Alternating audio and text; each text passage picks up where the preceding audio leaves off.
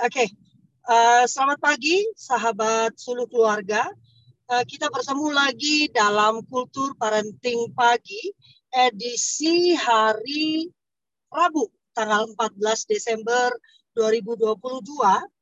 Ya, pagi ini pagi yang cerah kalau buat saya karena pagi ini Deli tepat berusia 22 tahun. Jadi 22 tahun yang lalu Deli dilahirkan uh, anak yang luar biasa kalau buat saya ya, yang sabar dan mengurusin mamanya banget Kak Tribun ya.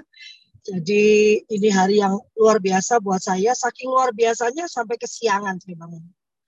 Dan pagi ini ini juga luar biasa banget gitu ya, uh, sosok yang sangat saya hormati ya di tengah segala kesibukannya selalu tetap mau mendukung uh, kultur parenting pagi gitu ya karena pernah kami bersama-sama diskusi menyatakan bahwa memang perlu satu acara parenting karena beliau melihat makin banyak anak-anak yang menjadi korban uh, ketidakpahaman orang tua ya Kak Trigun ya kita nggak bisa bilang ketidakpedulian ya tapi ketidakpahaman orang tua atas pola pengasuhan yang benar.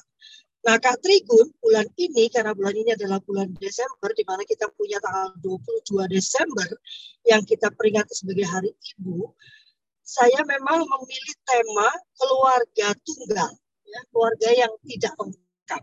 Jadi minggu lalu, Kak Trigun, kita mendengarkan dua perempuan ibu tunggal, ya. Salah satunya saya sendiri, lalu yang kedua Kak Hertina menceritakan apa sih yang kami alami gitu ya dalam kehidupan bernegara dan berbangsa ini sebagai seorang orang tua tunggal.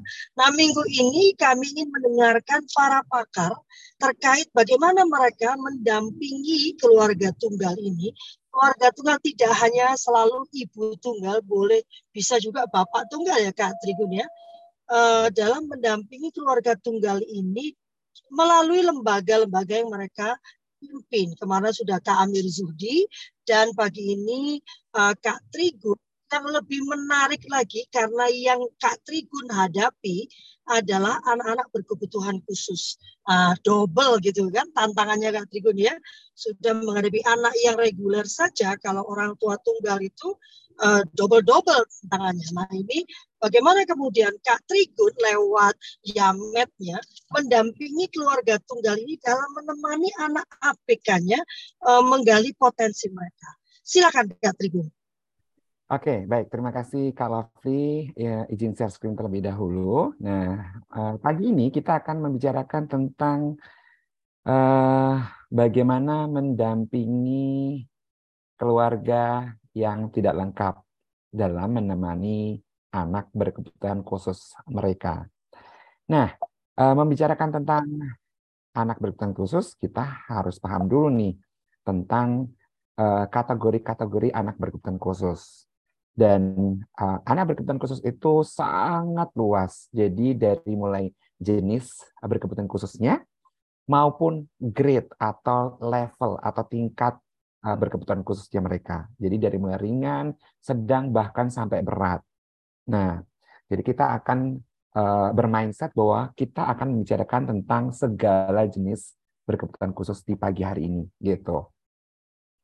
Jadi keluarga yang mempunyai anak berkebutuhan khusus dari mulai tipe gangguan uh, disabilitas penglihatan, ya, jadi dari mulai gangguan penglihatan, gangguan pendengaran, disabilitas intelektual, anak-anak yang di bawah rata-rata IQ-nya gitu ya dibandingkan usianya. Disabilitas fisik, anak-anak yang mengalami gangguan-gangguan uh, motorik dan fisik seperti kelumpuhan, uh, badan yang tidak lengkap, ataupun kelainan bentuk atau fungsi tubuh. Disabilitas sosial, hambatan-hambatan yang meng, dalam mengendalikan uh, emosi, kontrol perilaku, kontrol sosial, dan bahkan nantinya uh, mengamuk atau bahkan agresivitas di uh, lingkungan sosial mereka. Anak-anak dengan gangguan pemusatan perhatian dan hiperaktivitas, anak-anak yang hiperaktif. Anak-anak dengan gangguan spektrum autisme, anak-anak dengan gangguan uh, tiga area, yaitu komunikasi, interaksi sosial, dan perilaku yang repetitif dan stereotipik. Gangguan ganda, gangguan uh, yang mempunyai lebih dari uh, dua aspek gangguan dari mulai misalnya uh, mental juga, gangguan penglihatan iya, nah kayak gitu. gangguan lambat belajar atau slow learner, gangguan kesulitan uh, belajar khusus atau SLD atau Specific Learning Disabilities, misalnya disleksia, diskalkulia, disgrafia, dan seterusnya. Dan gangguan kemampuan berkomunikasi, dari mulai yang speech delay sampai gangguan ketidakmampuan dalam berbicara. Nah, jadi kategori anak berkebutuhan khusus itu sangat luas. Dan tadi kita akan uh, membahas, uh, mendampingi keluarga yang mempunyai anak berkebutuhan khusus, dengan berbagai jenis dan berbagai tingkat keparahannya tadi. Nah, dan kita tahu bahwa profil uh, anak berkebutuhan khusus di Indonesia itu sangat bervariasi dan bahkan uh, nih 0,8 persen itu proporsi anak berkebutuhan khusus itu uh, berada di usia rentang 7 sampai 18, 18 tahun. Jadi persentase tersebut setara dengan lebih dari 460 ribu siswa. Dan sebanyak 47 persen anak berkebutuhan khusus itu tinggal di desa. Jadi tidak semua tinggal di kota. 53 persen lainnya tinggal di wilayah kota. Nah, separuh dari ABK penyandang disabilitas berasal dari 40 persen rumah tangga termiskin. Jadi tidak semua orang kaya. Dan bahkan nanti kita yang bicarakan pagi ini khusus adalah Eh, keluarga-keluarga ABK yang diasuh oleh orang tua tunggal, jadi yang tidak lengkap. Nah, jadi eh, ini yang nanti akan harus menjadi kewaspadaan. Nah, serta tingkat eh, penerimaan masyarakat pada anak berkebutuhan khusus itu di, di Indonesia ternyata masih belum merata, masih belum inklusif gitu. Jadi belum memang masyarakat Indonesia dibandingkan dengan negara-negara lain masih lumayan tertinggal dari segi inklusivitasnya tadi. Jadi masih belum eh, memahami dan belum menerima anak berkebutuhan khusus. Apalagi keluarga yang tidak utuh mempunyai anak berkebutuhan khusus. Nah, ini adalah eh, saya ambil dari survei eh, Kompas yang diterbitkan pada tanggal 16 September tahun 2020. Di survei tersebut menanyakan nih, Menurut Anda, apakah saat ini masyarakat sudah bisa menerima keberadaan anak berkebutuhan khusus? Nah, 49,54 persen itu sudah uh, sudah bisa menerima. 41,56 persen itu belum sepenuhnya menerima. 8,35 persen itu belum bisa menerima dan 0,56 persen tidak tahu. Nah, jadi ini juga harus kita pertimbangkan bahwa ternyata uh, anak berkebutuhan khusus di Indonesia ini masih belum sepenuhnya diterima oleh masyarakat. Nah, ini berbeda dengan negara tetangga kita gitu ya. Singapura, Malaysia, Australia gitu. Itu uh, tingkat penerimaannya sudah sangat-sangat bagus dari survei-survei mereka. Nah, Sedangkan masyarakat itu sendiri adalah satu salah satu support system yang nantinya akan dibutuhkan oleh keluarga dengan anak berkebutuhan khusus. Di mana masyarakat itu adalah komunitas yang lebih daripada tempat berkumpul. Masyarakat itu juga e, warga komunitas merupakan anggota yang bersatu padu sebagai kesatuan membentuk komunitas. Dan yang e, satu dengan yang lainnya bekerja sama saling mendukung dalam pelaksanaan berbagai program yang ada di komunitas atau masyarakat. Jadi salah satu support system yang nantinya kita akan uh, perlukan terutama bagi keluarga yang mempunyai anak berkebutuhan khusus, terutama keluarga yang tidak utuh itu akan membutuhkan support system masyarakat ini. Nah, sedangkan keluarga adalah inti dari masyarakat tersebut. Jadi keluarga berperan dalam membentuk dan menentukan perkembangan fisik, emosi, serta dukungan sosial serta finansial bagi anak-anak, terutama tadi anak-anak berkebutuhan khusus. Dan keluarga sebagai sumber utama dukungan seumur hidupnya. Nah, ini yang sangat penting di mana kita kenapa membicarakan keluarga sebagai support system yang nantinya akan diperlukan untuk uh, anak berkebutuhan khusus dan kita perlu mendukung keluarga yang tidak utuh tadi dalam mendampingi anak berkebutuhan khusus.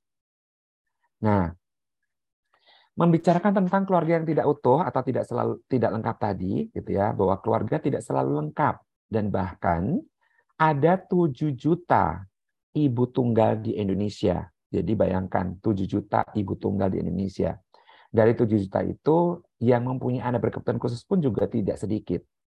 Apalagi dengan fenomena uh, anak berkebutuhan khusus yang karena uh, perjalanan dalam hidupnya misalnya pola pengasuhan dan seterusnya. Jadi saling uh, berkaitan, mana telur mana ayam istilahnya gitu. Gara-gara anak uh, gara-gara uh, keluarga tidak utuh, anaknya juga kurang stabil pengasuhannya. Anaknya jadi uh, tidak stabil pula dalam segi emosional dan termasuklah tergolong sebagai anak berkebutuhan khusus atau sebaliknya.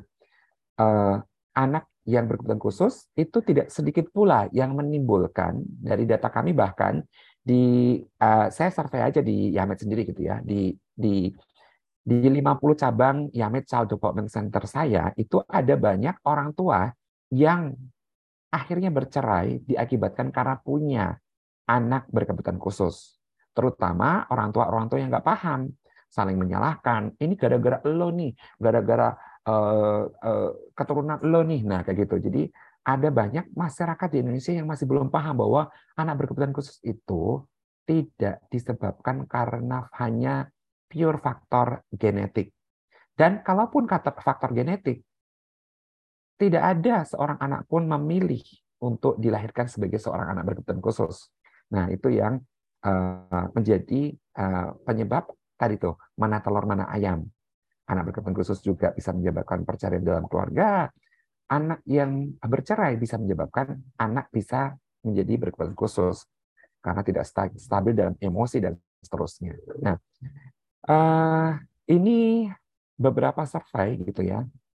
Jadi ternyata ada 7 juta ibu tunggal di Indonesia, di mana uh, 307.778 perempuan dari 419 419.268 pasangan bercerai yang menginisiasi perceraian di tahun 2018.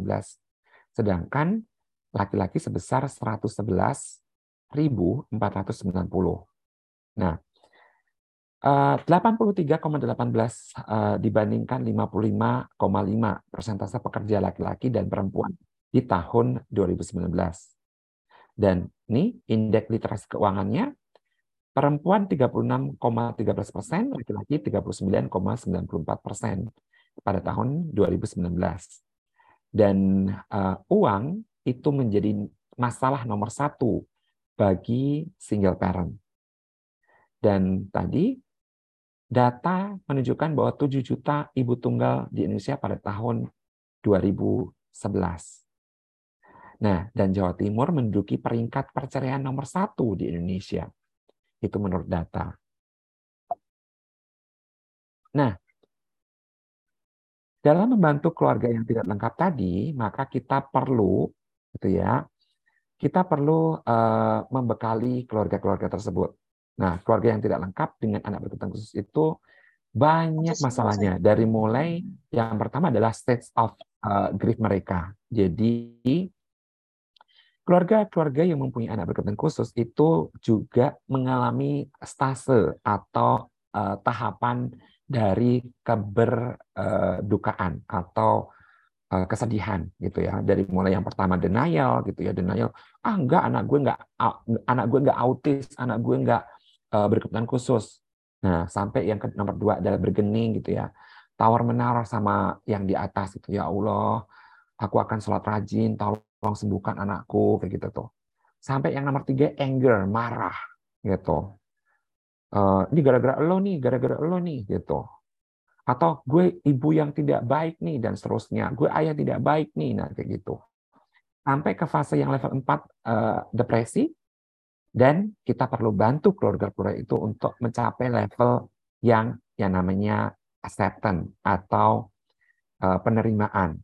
Nah, level penerimaan adalah level yang paling tinggi, di mana kita yang, yang kita akan tuju adalah level acceptance ini. Kita akan bantu keluarga-keluarga itu melalui tahapan-tahapan itu sampai mereka pada tahap acceptance. Nah, Tahap acceptance, ciri-cirinya adalah orang tua itu sudah paham bahwa memang anaknya berkebutuhan khusus. Memang anaknya autis misalnya. Keluarga itu sudah uh, uh, menyadari, menerima gitu bahwa anaknya autis. Bahkan sudah mencari informasi, sudah uh, pergi ke beberapa uh, ahli gitu. Dan berusaha untuk sekuat tenaga untuk menghadapi uh, masalah tersebut dan menerima dan mencari opsi terbaik bagi keluarga mereka dan anak mereka. Nah, jadi kita akan bantu keluarga-keluarga yang tidak lengkap dengan berkebutuhan khusus itu mencapai ketangguhan, di mana ketangguhan orang tua itu sangat penting. Nah, jadi kalau di dalam istilah psikologi namanya resilient. Jadi ketangguhan orang tua yang mempunyai anak berkebutuhan khusus dalam menghadapi banyak hal. Jadi dalam menghadapi stigma masyarakat, menghadapi stigma keluarga. Jadi ini yang nantinya banyak sekali sudah anak berkebutuhan khusus, keluarga tersebut mempunyai anak berkebutuhan khusus, dapat stigma dari keluarga, dari mertua, dari om tantenya karena ketidakpahaman mereka. Karena memang masyarakat Indonesia masih di fase itu. Jadi memang beratnya mempunyai anak berkebutuhan khusus di Indonesia dibandingkan dengan di luar. Bahkan kalau di uh, luar gitu ya, itu banyak pemerintah pun bahkan melakukan support di mana mereka akan mendapatkan uh, jasa layanan gratis terapi misalnya. Itu itu berbedanya dengan di Indonesia di mana nanti sudah menghadapi stigma dan bahkan keluarga itu harus melakukan penyesuaian. Penyesuaian dalam kehidupan uh, berkeluarga tadi. Mungkin orang tua tunggalnya ibu atau orang tunggal tunggalnya ayah gitu ya itu harus melakukan penyesuaian karena harus melakukan uh, bagaimana parenting atau pola pengasuhan dengan anak berkebutuhan khusus tadi. Bahkan dari mulai mengatur jadwalnya anak itu bahkan mengatur makanannya karena termasuk keluarganya harus diet juga gitu ya. Jadi misalnya contoh uh, anaknya tidak bisa uh, makan mie instan. Nah, si keluarga juga tidak akan menyediakan makan mie instan itu. Jadi penyesuaian dalam kehidupan keluarga dan uh, pernikahan itu sangat penting nantinya di uh, dengan orang tua tunggal tadi. Dan penerimaan serta penyesuaian dari kakak adiknya gitu. Jadi bagaimana nanti mengkolaborasikan sibling gitu ya. Jadi bagaimana memanfaatkan sibling rivalry, bagaimana memanfaatkan sibling competition gitu atau sibling collaboration.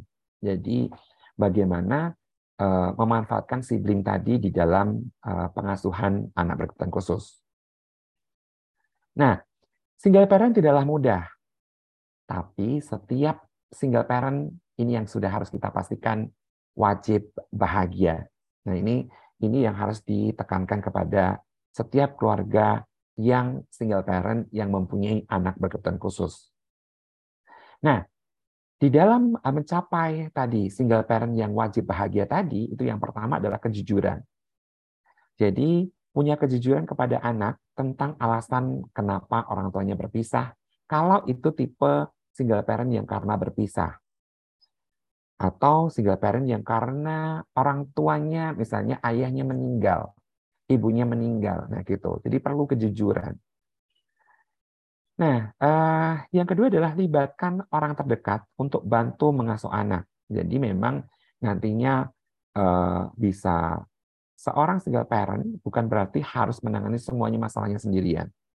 Jadi bisa memanfaatkan tadi namanya support system dari mulai ayah, ibu, kakek, nenek, gitu ya, mertua, om, tante, uh, atau bahkan sibling tadi, anak yang lain, atau bahkan sahabat. Jadi memang perlunya mempunyai sahabat. Karena nantinya dari mulai sahabat ya hanya untuk tempat curhat misalnya. Nah, itu itu akan sangat membantu sekali untuk rilis attention, rilis problem dan bahkan mencari solusi terbaik dengan bantuan orang lain. Yang ketiga adalah jangan lupa bahagia tadi, ingat sangat penting. Jadi ada banyak hal yang bisa kita syukuri setiap hari. Jadi bukan hanya pada terfokus pada single parent-nya dan berkebutuhan khususnya. Terus jangan terus-menerus menyalahkan diri sendiri. Tidak uh, berlarut-larut dalam rasa bersalah, dan yang terakhir adalah curahkan semua perhatian kepada anak di saat di rumah, termasuk bertanggung jawab untuk semua kebutuhan anak. Nah, membicarakan tentang resilient atau ketangguhan orang tua itu akan sangat penting, di mana ketangguhan orang tua itu akan menentukan kualitas pengasuhan anak. Jadi, ketangguhan ini yang nantinya kita akan tuju pada sebuah keluarga yang single parent tadi. Jadi ketangguhan orang tua single parent yang nantinya akan menentukan kualitas pengasuhan anak. Nah, ketangguhan tadi yaitu uh, satu kehangatan. Jadi kehangatan di dalam keluarga tersebut. Jadi harus tetap mengutamakan uh, kehangatan di dalam keluarga. Yang kedua adalah rasa aman. Jadi meningkatkan rasa aman, baik itu rasa aman bagi orang tua yang single parentnya maupun rasa aman bagi anak-anak mereka. Yang ketiga adalah kepercayaan. Jadi percaya, optimis itu sangat penting bahwa eh, tidak eh, tidak menyalahkan diri sendiri, bahwa eh, kepercayaan bahwa eh, esok akan eh, bisa dihadapi dengan baik dan seterusnya. Yang keempat adalah afeksi positif. Jadi adanya hubungan afeksi positif antar keluarga, eh, termasuk dengan eh, masyarakat, masuk dengan eh, lingkungan mikrosistem yang lain, jadi termasuk sekolah anak tersebut, dengan guru, dengan teman-teman anak mereka, dan seterusnya. Dan ketanggapan yang ditujukan orang tua. Jadi orang tua memang harus tanggap. Tanggap terhadap masalah-masalah kecil, tanggap terhadap uh, masalah anak, dan tanggap terhadap kebutuhan, uh, baik afeksi, uh, fisik, emosi, maupun pendidikan, maupun kebutuhan biologis mereka. Nah, beberapa hal yang berhubungan dengan ketangguhan tadi akan menentukan perkembangan yang sehat si anak, perkembangan keluarga yang sehat, dan prestasi anak serta prestasi keluarga tersebut dan problem perilaku pada anak serta apakah eh, problemnya itu banyak ataukah problemnya sedikit. Keluarga yang tangguh itu mampu menghadapi problem atau masalah-masalah perilaku pada anak dari yang kecil sampai yang besar. Dan dengan ketangguhan, problem itu menjadi tidak berarti dan bahkan menjadi sebuah tantangan, bukan lagi masalah. Nah, ini yang sangat dipentingkan di dalam ketangguhan orang tua single parent tadi. Nah, jadi perlunya pendampingan keluarga yang tidak lengkap tadi dengan anak berkebutuhan khusus. Pendampingan artinya adalah pendamping ini orang yang paling dekat dengan anak berkebutuhan khusus itu, di mana akan menghabiskan waktu bersamanya. Dan pendamping ini bisa nantinya uh, bisa diduplikasi tadi. Jadi tidak selalu orang tua uh, tunggalnya. Misalnya contoh banyak kasus yang uh, kami dampingi di Yamet gitu ya, di mana orang tunggal orang tua tunggalnya adalah ayah. Nah, ayah itu uh, memang nantinya akan bekerja, jadi meninggalkan si anak berkebutuhan khususnya, tapi si ayah akan mencari pengasuh terbaik dengan wawancara yang benar, psikotes yang benar, dan bahkan mengedukasi dan bahkan kami Yamet ya, klinik Yamet membantu si pengasuh-pengasuh itu mendapatkan sesi khusus untuk uh, pelatihan menjadi pendamping yang baik. Dari mulai uh, memberikan aturan di rumah atau namanya ground rule atau aturan dasar di rumah, mengatur jadwal, membimbing atau mengarahkan anak sampai bagaimana mengajak interaksi anak ABK tersebut di dalam pendampingan uh, di rumah. Jadi itu uh, program yang kami uh, lakukan untuk khusus uh, pengasuh anak yang memang keluarga tersebut ber, uh, tidak lengkap. Jadi tidak keluarga tersebut berkebutuhan khusus juga gitu. Jadi keluarga yang memang single parent, entah ayah, entah ibu gitu. Karena kita bantu untuk bagaimana mengaturnya itu akan sangat penting karena di tengah kekalutan mereka, mereka sendiri stagnan, tidak bisa berpikir bagaimana ya. Nah, jadi akhirnya yang menjadi korban adalah anak berkebutuhan khusus mereka. karena tidak mendapatkan pengasuhan yang benar atau pendampingan yang benar. Nah, jadi perlunya pendampingan pada keluarga yang tidak lengkap tadi dalam membantu anak berkebutuhan khusus tumbuh kembang tahap demi tahap dengan baik. Jadi kami akan bantu, uh, oh mendampingi anak tiga tahun tuh beda ya sama anak remaja. Nah kayak gitu. Jadi itu yang mereka harus pahami karena sering kali banyak orang tua nggak usah anak uh, orang tua yang tidak lengkap. Orang tua yang biasa, orang tua yang lengkap, itu pun sering kali tidak paham bahwa anaknya sudah empat tahun. Anaknya sudah enam tahun, masih digendong-gendong, masih disuapin, masih dimandiin, masih dipakein baju, gitu. Jadi banyak orang tua yang tidak paham bahwa pentingnya uh, interaksi yang nantinya memandirikan mereka. Pentingnya interaksi yang nantinya adalah menjadi uh, bagian si anak berkebutuhan khusus itu dilibatkan di dalam kemandirian mereka. Nah, itu yang penting sekali. Nah, dan perlunya pendampingan pada keluarga yang tidak lengkap tadi menumbuh kembangkan kemampuan fisik anak, menumbuhkan menumbuh kembangkan intelektual anak, menumbuh kembangkan sosial anak dan menumbuh kembangkan emosional mereka. Jadi itu yang sangat penting perlu dibekali pada keluarga-keluarga dalam mendampingi anak berkebutuhan khusus. Nah, pendamping tadi perlu memahami dan uh, perlu yang akan dijalani itu apa. Jadi harus memahami peran dan tanggung jawabnya sebagai pendamping anak berkebutuhan khusus, terutama terhadap pertumbuhan dan perkembangan anak berkebutuhan khusus tersebut. Jadi kami biasanya bekali dengan tumbuh kembang usia sekian harus bisa apa, usia sekian targetnya apa, usia sekian itu yang dilakukan apa. Nah itu sangat penting karena uh, sering kali di tengah kekalutan uh, berbagai masalah itu jadi kacau balau. Nah, dan perlu juga dibekali bahwa uh, nantinya harus menggantikan. Jadi misalnya uh, orang tua tunggalnya adalah ayah. Jadi tetap anak itu tidak boleh kekurangan kebutuhan peran untuk si ibu. Atau misalnya single parentnya adalah ibu tetap si anak berkebutuhan khusus itu tidak boleh kekurangan uh, peran, kebutuhan peran dari si ayah. Nah, ini uh, pembagian peran yang nantinya perlu uh, dipahami atau disadari oleh orang tua tunggal tersebut. Di mana ayah itu nantinya penanggung jawab pendidikan, man of vision and mission. Jadi memang nantinya perlu uh, ditanamkan visi dan misi uh, anak tersebut sang ego dan individualitas. Jadi memang arah itu ayah itu akan punya peran bagaimana membentuk egonya anak, membentuk uh, struggle-nya anak gitu. Dan uh, pembangun sistem berpikir. Jadi kalau ayah itu lebih ke arah bagaimana sebuah masalah itu dipecahkan dengan cara uh, problem solve, thinking, berpikir. Nah, termasuk supplier maskulinitas. Jadi nantinya si anak tidak boleh juga kekurangan kegiatan-kegiatan yang melibatkan maskulinitas. Olahraga, perbengkelan, nah kayak gitu. Penegak eh, profesionalisme. Jadi anak-anak itu tidak boleh kekurangan bagaimana disiplin yang baik, bagaimana tanggung jawab yang baik. Nah itu.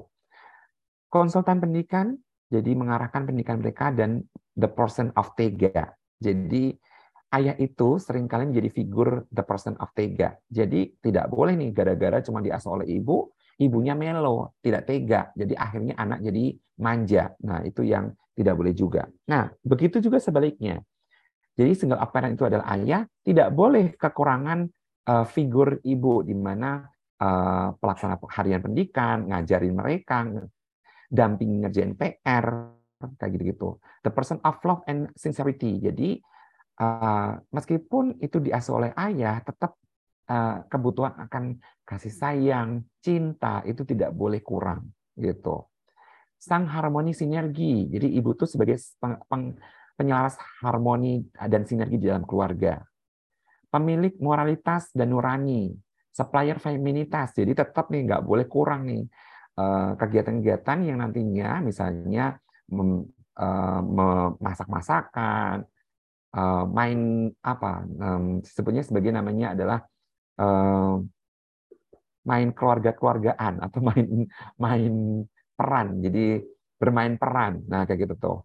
Membangun hati dan rasa berbasis pengorbanan dan bahkan sang pembasuh luka. Jadi kalau misalnya anaknya sedang sedih, anaknya sedang down, nah itu ayah pun juga harus menjadi uh, uh, sang pembasuh luka saat uh, itu terjadi.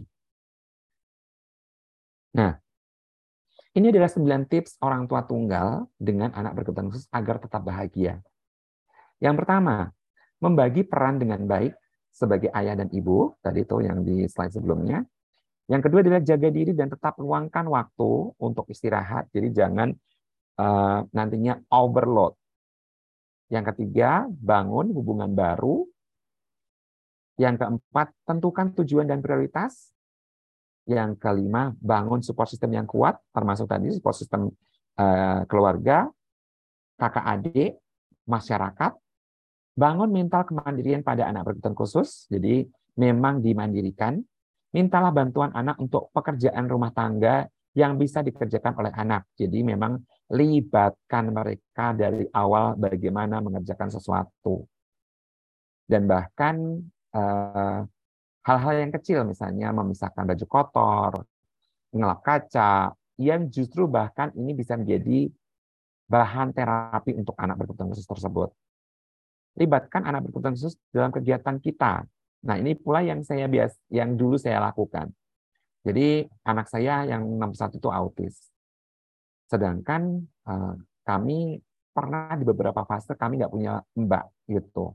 Namanya juga mbak itu aduh berkayak uh, masalah terbesar gitu apalagi kalau sudah mendekati hari raya nggak balik kayak gitu-gitu. Nah, libatkan anak berkebutuhan khusus itu dalam kegiatan kita. Jadi misalnya contoh waktu itu saya ajak uh, sering kali akhirnya ganti-gantian nih ikut bundanya uh, kerja atau ikut saya kerja gitu. Nah, jadi libatkan dia. Bahkan uh, diajarkan untuk bagaimana duduk tenang di kelas sedangkan saya harus mengajar mahasiswa gitu ya. Jadi saya kasih di duduk di pojokan, saya bawa bekal kegiatan mereka, jadi kegiatan anak saya, jadi biasanya saya bawa bu, uh, bundel buk, buklet untuk mewarnai, uh, termasuk permen-permen yang dibutuhkan gitu yang bisa saya bawa di tas. Nah itu sangat penting melibatkan anak berkebutuhan khusus dalam kegiatan kita. Dan nomor sembilan, berpikir positif ini sangat penting. Ya, ini 9 tips uh, orang tua tunggal untuk anak berkebutuhan agar tetap bahagia. Oke, uh, itu aja dari saya. Semoga bermanfaat. Terima kasih. Assalamualaikum warahmatullahi wabarakatuh.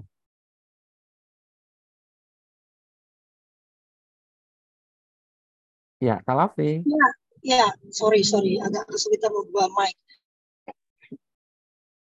Kak Trigun, saya malah terkejut ya. Ternyata kalian ditemukan keluar ayah ya, Kak Trigun ya. Iya, iya. Gimana? Oh luar biasa, luar biasa. Dan sangat tertarik saya mendengarkan bahwa ternyata pendampingan yang diberikan adalah memastikan orang tua kemudian uh, pendamping anaknya itu juga diurus gitu ya kak ya. Uh, dipastikan mereka juga tahu karena mereka adalah wali ya, pengasuh pengganti ya. Jadi iya. mereka tahu langkah-langkah yang harus dilakukan, mereka tahu uh, apa yang harus dikerjakan itu dalam rangka mendampingi anak-anak ini ya kak. Betul. Luar biasa, luar biasa. Teman-teman, apakah ada yang mau bertanya atau mau diskusi gitu ya terkait uh, pendampingan uh, orang tua tunggal ini dalam menemani anak-anak ABK-nya? Saya percaya okay. di dalam. Ini ada ada Karini nih, kalau. Ah, ya Karini, silakan. Uh, Assalamualaikum dan selamat pagi, Kak Fli, Kak Tri uh, luar biasa hari ini diberi kesempatan untuk bisa uh, menimba ilmu yang sangat luar biasa. Uh, kebetulan saya punya teman atau sahabat juga kan yang uh, pas banget nih dengan tema kali ini. Saya begitu aduh sampai merinding nih karena beliau berkali-kali sering menangis dengan trouble yang beliau problem yang beliau hadapi ini. Uh, sepertinya kalau sahabat saya ini sudah tahu bahwa uh, anaknya ini memang berkebutuhan khusus dari usia 2 tahun. Tetapi karena problemnya adalah kemudian reverse dengan suami, yang keduanya juga uh, kesulitan ekonomi, akhirnya bingung mau menyekolahkan di mana. Sampailah di usia sekolah yang harusnya memang uh, usianya itu sekarang sudah 9 tahun, tapi dia masuknya adalah ke TKB katanya, eh, ke kelas 1.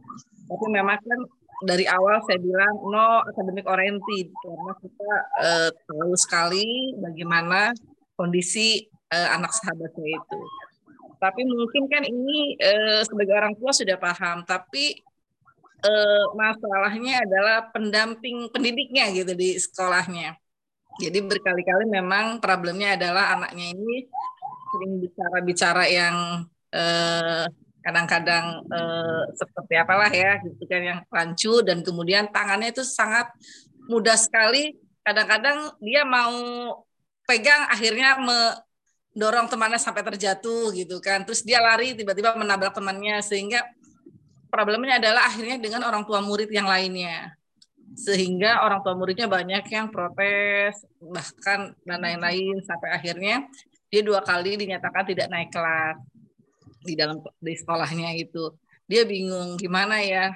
Sepertinya orang tua murid tidak paham dengan kondisi eh, apa yang dibutuhkan oleh anak saya. Tapi kalau saya sekolah di tempat yang memang ada sekolah swasta yang khusus yang bisa menerima anak special saya tidak terjangkau dengan biayanya. Tapi kalau saya akan memasukkan ke eh, sekolah luar biasa, itu bagaimana katanya? Eh, apakah dengan usia 9 tahun masuk ke kelas 1 SD, kemudian juga eh, anak saya sudah mulai akademiknya ya akademiknya itu udah bisa berhitung, kemudian juga saya sudah bisa eh, apa berinteraksi gitu kan. Nah kalau disatukan dengan teman-teman yang malah eh, tadinya dia melihat teman-teman yang mohon maaf misalkan ya yang di SD biasa, kemudian dengan di itu apakah tidak ada penurunan secara mental, fisik dan eh, akademik. Jadi mohon sarannya bagaimana sebaiknya Kak Igun ini aduh sangat luar biasa sekali nih saya mohon sekali. Terima kasih okay. Kak Igun Kak Lafli. Baik, baik Karini uh, saya bantu jawab nih. Jadi sebenarnya yang perlu diberikan eh, pemahaman kepada orang tua tersebut adalah justru tadi membangun uh, lingkungan mikrosistem, membangun dan memilih. Jadi sebenarnya nantinya adalah uh, memilih sekolah yang tepat, yang tepat dan memilih sekolah yang tepat tuh nggak gampang juga loh, karena ya. nantinya uh, desain sekolah tersebut nih. Jadi dari uh, slide yang saya paparkan ini, apakah di setiap lini aspek uh, lingkungan anak itu akan menjadi justru malah menjadi faktor resiko, apakah menjadi protecting factor bagi anak? Nah, jadi seharusnya yang hijau yang menjadi protecting factor gitu. Nah, jadi nantinya ada tiga uh, lini gitu ya, pusat terapi, sekolah, dan keluarga. Nah, jadi uh, termasuk nantinya justru uh, membangun gitu ya, membangun lingkungan keluarga yang uh, tadi yang um, sehat dulu gitu ya. Jadi apakah konsistensi di dalam keluarga tersebut sudah terbangun? Ini ter, uh, meskipun ini ya, meskipun single parent tadi ya gitu, apakah si ibunya sendiri sudah konsisten gitu. Jadi ibunya sebagai seorang single parent, apakah sudah konsisten? Jadi kita nggak boleh menyalahkan sekolahnya, lingkungan yang lain saat di dalam keluarga. Tadi ingat, keluarga sebagai inti dari masyarakat itu masih belum beres. Jadi beresin dulu di dalam keluarga. Nah, keluarga ini terdiri dari dua, orang dan non orang. Nah, apakah uh, kan anak tadi berkebutuhan khusus sudah hukum wajib, bukan hukum wajib kalau kita punya anak berkebutuhan khusus memang nggak boleh punya TV, nggak boleh punya gadget. Jadi nggak boleh anak itu justru nantinya kurang uh, bonding dengan orang di sekitar gara-gara dia main handphone, gara-gara dia ditonton TV. Dan tadi sering kali nantinya ibunya menjadikan uh, TV dan gadget pengganti pengasuh. Nah, itu yang menjadi buruk nih gitu. Uh, ini yang nantinya akan dipikirkan dulu. Jadi bantu keluarga tersebut untuk beresin dulu, uh, mengklirkan dulu masalah yang ada di rumah.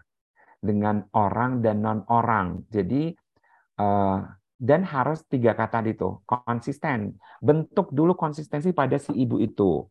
Kolaborasi, jadi manfaatkan mana yang bisa dicari, mana yang dijadikan sumber. Misalnya, oh uh, uh, tadi mendingan aku kerja cari uang tapi bisa meng-hire pengasuh dibandingkan aku nggak kerja tapi uh, tadi itu semuanya jadi masalah karena tadi di dalam survei masalah terbesar pada single parent adalah masalah keuangan. Nah, kayak gitu. Jadi apakah mendingan kerja tapi meng-hire pengasuh? Jadi pengasuhan itu akan ada di pengasuh. Nah, kalau si pengasuh nantinya tinggal berkolaborasi dengan baik dengan si pengasuh itu dan continue jadi nantinya pola pengasuhan harus benar, aturan harus ditetapkan, jadwal rutin anak itu harus jelas gitu. Jadi itu yang nantinya akan harus dibereskan satu persatu. Baru nantinya memikirkan untuk yang sekolahnya tadi, mencari sekolah yang baik tadi, mencari sekolah yang tepat tadi itu.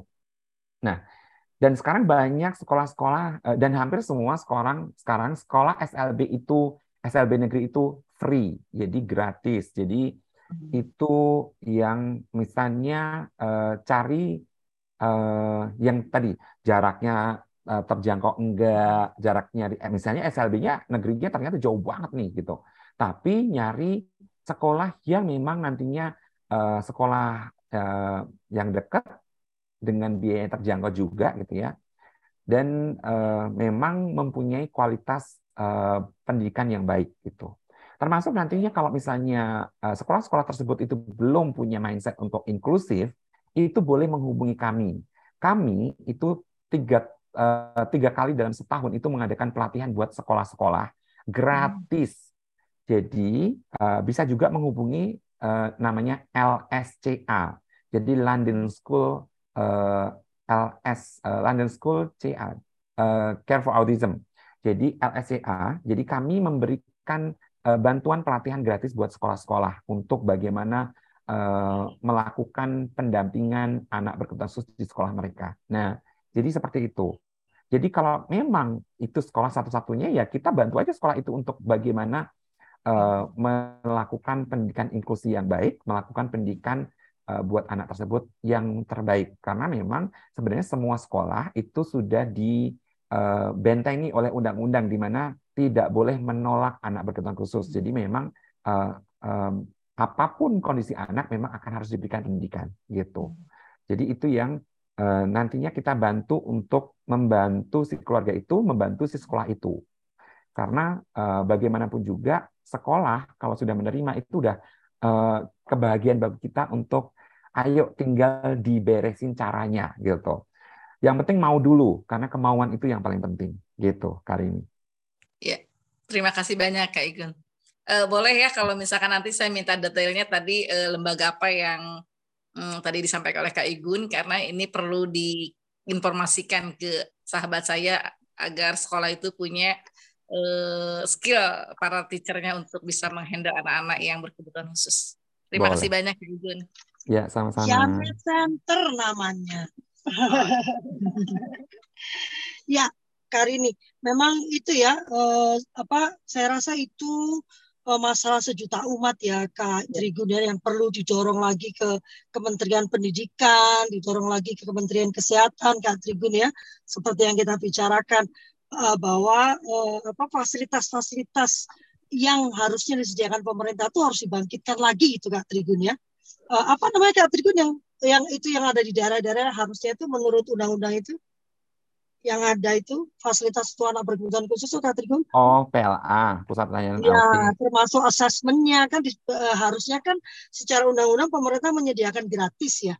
Uh, supaya bisa diakses oleh masyarakat. Nah, ini memang uh, tahun depan mungkin mumpung uh, undang-undang sisdiktasnya itu diundur gitu pembuatan rancangan rancangan undang-undangnya mungkin bisa kita pergencar tuh dimasukkan ke dalam undang-undang yang baru Kak Trigun diperkuat gitu ya layanan untuk anak-anak berkebutuhan khusus ini karena ya benar kata Kak Trigun nggak kebayang ya Kak yang tunggal saja uh, yang tunggal sorry yang double yang lengkap ABK itu udah ruwet ini tunggal pula kan Pak Kak. Jadi lebih ruwet lagi ya. Dan saya sangat setuju ya, memang sebagai orang tua tunggal, kita memang harus lebih memakai logika ya. Uh, uh, apakah uang yang sedikit itu harus di-share dengan pengasuh itu ya Kak Triguna rata-rata itu kan sayang banget itu bayar orang tapi membagi beban kita itu benar-benar membantu kewarasan ya Kak Triguna ya. membantu kewarasan kita dalam mengurus anak. Saya buka kamera sedikit lah walaupun belum ini ya, belum dandan. Ya, uh, silakan teman-teman ada yang mau bertanya lagi? Oh, ngomong-ngomong Dokter Ferry, selamat ulang tahun untuk Dokter Boyke. Ternyata Dokter Boyke juga ulang tahun, Kak Trigun. Iya, selamat ulang tahun buat Dokter Boyke. Selamat Anaknya, anaknya Kak Raffi juga. Lalu. Iya, makanya barengan sama Deli. Jadi Dokter Ferry bilang, sampaikan Dokter Boyke ada hadiah khusus begitu buat Kak Deli. Ternyata terakhir minta hadiah dari yang berulang tahun. Bagaimana sih? Bagaimana teman-teman? Ada yang mau bertanya? Uh, Kak Irwan ada yang mau disampaikan? Ada pendapat yang mau disampaikan? Apa ya? Memang uh, terima kasih Pak Kak ya kok Pak lagi ya. Kak Trigun memang luar biasa. Uh, khususnya kalau saya itu suka memang kalau Kak Trigun itu menyajikan data ya. Data updating data itu kan memang uh, sangat uh, dibutuhkan dan dari dari data itu kan sebetulnya nggak cukup di sini dibahas.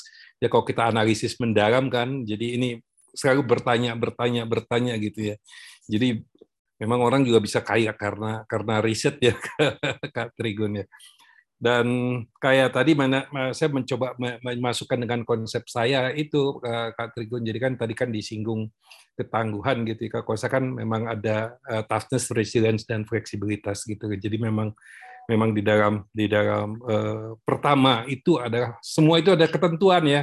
Jadi berprasangka positif terhadap Tuhan gitu kan. Setelah gitu bagaimana kita menyesuaikan dengan hal-hal tadi. Nah, tips-tipsnya udah jelas banget sih. Ya, saya juga dimarahin nih sama teman-teman karena kalau aku ngasih sharing uh, ininya kok nggak salah jam satu malam jam berapa ya jadi saya juga terlambat ngasih ke teman-teman ya, sebetulnya banyak ya saya bilang masih ada YouTube kok iya itu maaf, aja semalam saya jadi saya tuh memang sedang nggak sehat sebetulnya jadi oh. agak-agak ber dengan pekerjaan dengan kewajiban-kewajiban ya, lain ya. mohon maaf ya tentunya ada tentunya ada ada penyebab lah gitu jadi saya juga excuse-nya ada YouTube-nya kok gitu aman Oke, makasih Kak Trigun. Terima kasih Kak Irwan atas masukannya. Ah, ada lagi? Kak Vivi kayaknya ada mau bertanya nih. Oh iya, Kak, Vivi udah kangen dirimu itu kan? Udah, iya udah resen-resen nih. Silakan Kak Vivi. ya. Selamat pagi Kak Trigun, salam kangen ini udah lama nggak ketemu. Iya, kangen banget sama Kak Vivi. Ya Allah, lama banget ya Kak Vivi ya.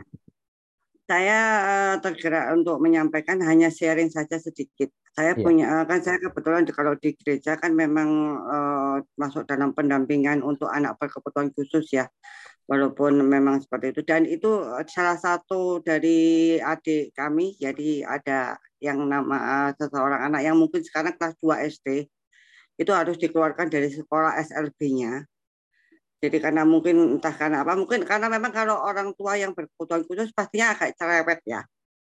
Jadi dia pastinya karena aware dengan anaknya mungkin dia tanya sama gurunya. Jadi mungkin ada beberapa hal yang ditanyakan hampir mungkin setiap hari ya pada saat terutama nggak ada buku penghubung dia tanya apa anak saya bermasalah atau sebagainya? Dan ini mungkin mengganggu dalam arti kasusnya mengganggu para guru dan orang tua. Jadi dia sudah naik ke kelas 2 kemudian pada suatu saat dipanggil oleh kepala sekolah dan pada hari itu juga anak itu dikeluarkan dari sekolah. Jadi karena dianggap ya, orang tuanya terlalu intervensi katanya. Jadi maksudnya terlalu tidak percaya terhadap pola didik dari sekolah. Ini SLB ya Kak Trigun ya, jadi SLB bukan sekolah yang biasa. Memang anaknya uh, berkebutuhan khusus sekali. Saya mengenal anak itu sejak kecil. Banget Kak Jadi dikeluarkan dari SLB. Itu. Kenapa masih ada sekolah-sekolah SLB yang nggak tahu mungkin dalam uh, mereka labelnya seperti apa, tetapi kalau menangani kasus seperti ini kan memang kompleks ya terutama uh, orang tua sendiri mungkin terlalu takut dan bagaimana akhirnya uh, puji Tuhan anak itu sekarang baru saja dua hari yang lalu masuk ke sekolah SLB yang lain Semoga tidak bermasalah. Itu aja yang ingin saya sampaikan karena ternyata sekolah yang berlabel SLB pun masih belum sepenuhnya bisa menerima anak yang berkebutuhan khusus. Begitu wow. Pak Trigun. SLB belum semua bisa menerima anak berkebutuhan khusus. Iya. Tamat nggak riwayat Kak Trigun? Ya, ya, itu udah rahasia umum sih ya, jadi rahasia umum bahwa wow. uh, uh, belum tentu um, orang uh, pendidik ataupun guru-guru yang di SLB itu paham tentang berkebutuhan khususnya gitu. Bahkan wow.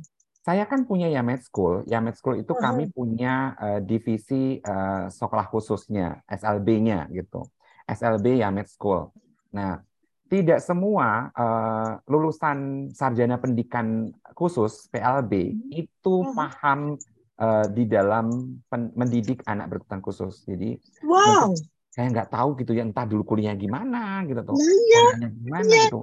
Makanya kenapa kami kalau mau merekrut guru itu satu wawancara psikotes di training dulu tiga bulan baru bisa jadi guru SLB gitu tuh. Karena ternyata mereka juga nggak paham nih teknik-teknik uh, uh, remedialnya teknik-teknik uh, bagaimana mendampingi itu juga masih kurang gitu jadi saya sebagai uh, user gitu ya user di lapangan gitu memang uh, akhirnya ya harus melakukan uh, modifikasi gitu ya. Jadi lulusan-lulusan yang dia itu dari PLB sekalipun itu kami harus saring kembali apakah mereka mempunyai uh, minat untuk berkebutuhan khususnya gitu banyak wow. yang sudah lulus pun ternyata mereka dari segi minat aja nggak ada gitu ya. Dia mungkin malah jijik sama anak berkebutuhan khusus. Gitu. Jadi itu itu itu yang akan jadi bumerang di dalam pelaksanaan pendidikannya gitu tuh. Makanya kenapa kalau saya saya nyaring nyaring guru biasa sama nyaring melakukan penyaringan untuk SLB itu berbeda. Saya psikotesnya ketat banget gitu tuh. Dari mulai uh, tingkat uh, kepribadian mereka gitu tuh. Knowledge mah gampang lah knowledge nanti kita bisa poles karena uh, kami kami punya training center gitu ya. Jadi kami punya training center untuk guru-guru SLB yang akan saya saya uh, turunkan gitu ke sekolah ya med school. Tapi kalau untuk masalah si kepribadian nggak bisa dipoles gitu. Itu yang itu yang menjadi bumerang sebenarnya bumerang kalau kepribadian mereka tidak cocok untuk menjadi seorang guru SLB gitu. Kak Trigun gitu. ini sangat menakutkan ya Kak Trigun? Banget. Sangat menakutkan dan uh, membagongkan kan kalau, bagi saya ya. Uh, karena uh, uh, pada saat anak ABK itu tidak diterima di uh, dunianya sendiri karena SLB itu kan memang di untuk mereka ya Kak Trigun ya kalau saat itu kemudian dia tidak diterima di sana, ini kan luar biasa ya. Di sekolah umum pun Kak Vivi sebetulnya sekarang ini mengeluarkan anak itu boleh dikatakan tidak boleh dilakukan ya Kak Trigun. Tidak boleh mengeluarkan anak dengan alasan apa pun gitu kan. E, menolak pendaftaran aja nggak boleh, apalagi mengeluarkan gitu kan. Nah e, di SLB seharusnya ini dua kali lipat e, ketatnya gitu Waduh, ini red alert banget Kak Trigun. Ayo suarakan ya. Kak Trigun.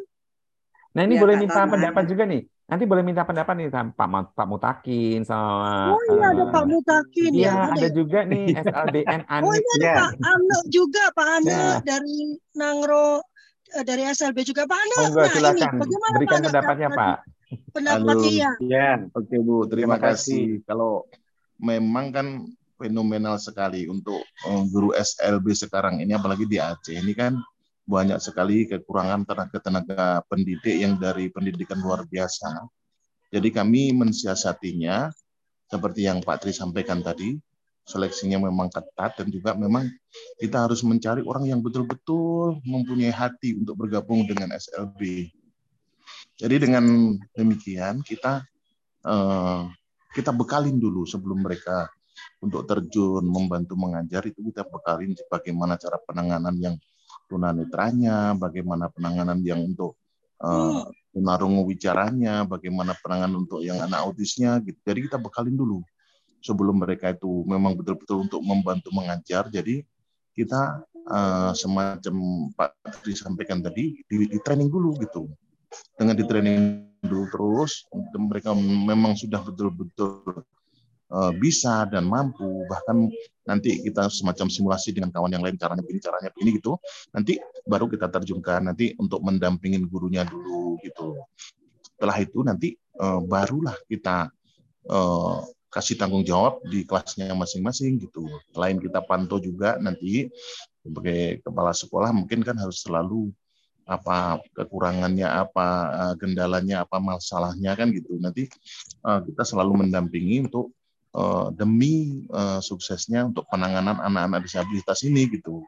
Jadi dengan demikian kalau seandainya ada anak-anak yang memang apa berat penanganannya ya jangan dikasihkan sama yang baru dulu gitu. Kita kasihkan sama ibu-ibu guru ataupun bapak guru yang sudah berpengalaman gitu. Jadi nanti kendalanya itu mudah teratasi dan uh, akan uh, meminimalis uh, apa namanya kesulitan-kesulitan yang ada gitu. Jadi dengan demikian mudah-mudahan uh, uh, fenomena ataupun kejadian-kejadian yang yang apa itu tadi bisa diminimalisasi dan uh, harapan kita dukungan dengan orang tua memang betul-betul.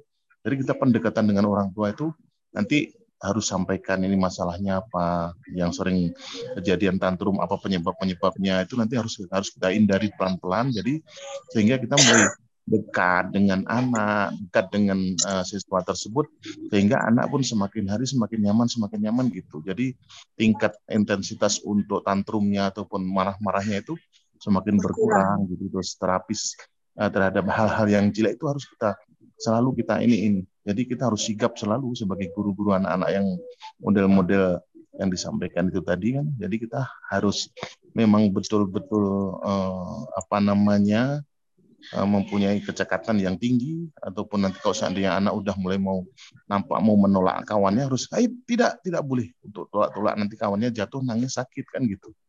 Nanti kalau udah dia tidak melakukan hal yang baik, tidak tolak-tolak, aduh alhamdulillah tidak tolak-tolak lagi bagus.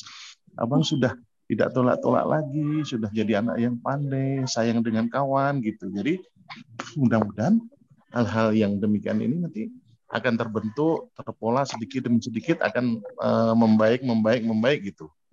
Dan harapan kita, kadang-kadang kalau seperti yang disampaikan masalah yang uh, kakak sampaikan tadi ada kendala itu kadang-kadang nanti harus perlu pendampingan dari orang tua ataupun yang lain dulu selama anak belum nyaman gitu. Jadi kalau seandainya nanti baru masuk, nanti harus ada pendampingan dari pihak orang tua ataupun siapanya, ataupun e, membuat guru bayangan dulu untuk mendampingi selama dia belum jinak gitu, dengan e, pendidikan yang yang di, diselenggarakan tersebut gitu. Dengan demikian mudah-mudahan nanti akan pelan-pelan pelan terbentuk menjadi ya, anak Pak. yang bisa care gitu. Nah, uh, Oke. Okay. Kak Rafli. Halo. Ya. Ya, silakan. Ya. Kamu Pak kamu takin? Kamu takin ya? Iya. Silakan. Halo, halo Kak Lovely. Iya, Pak. Oh, cukup.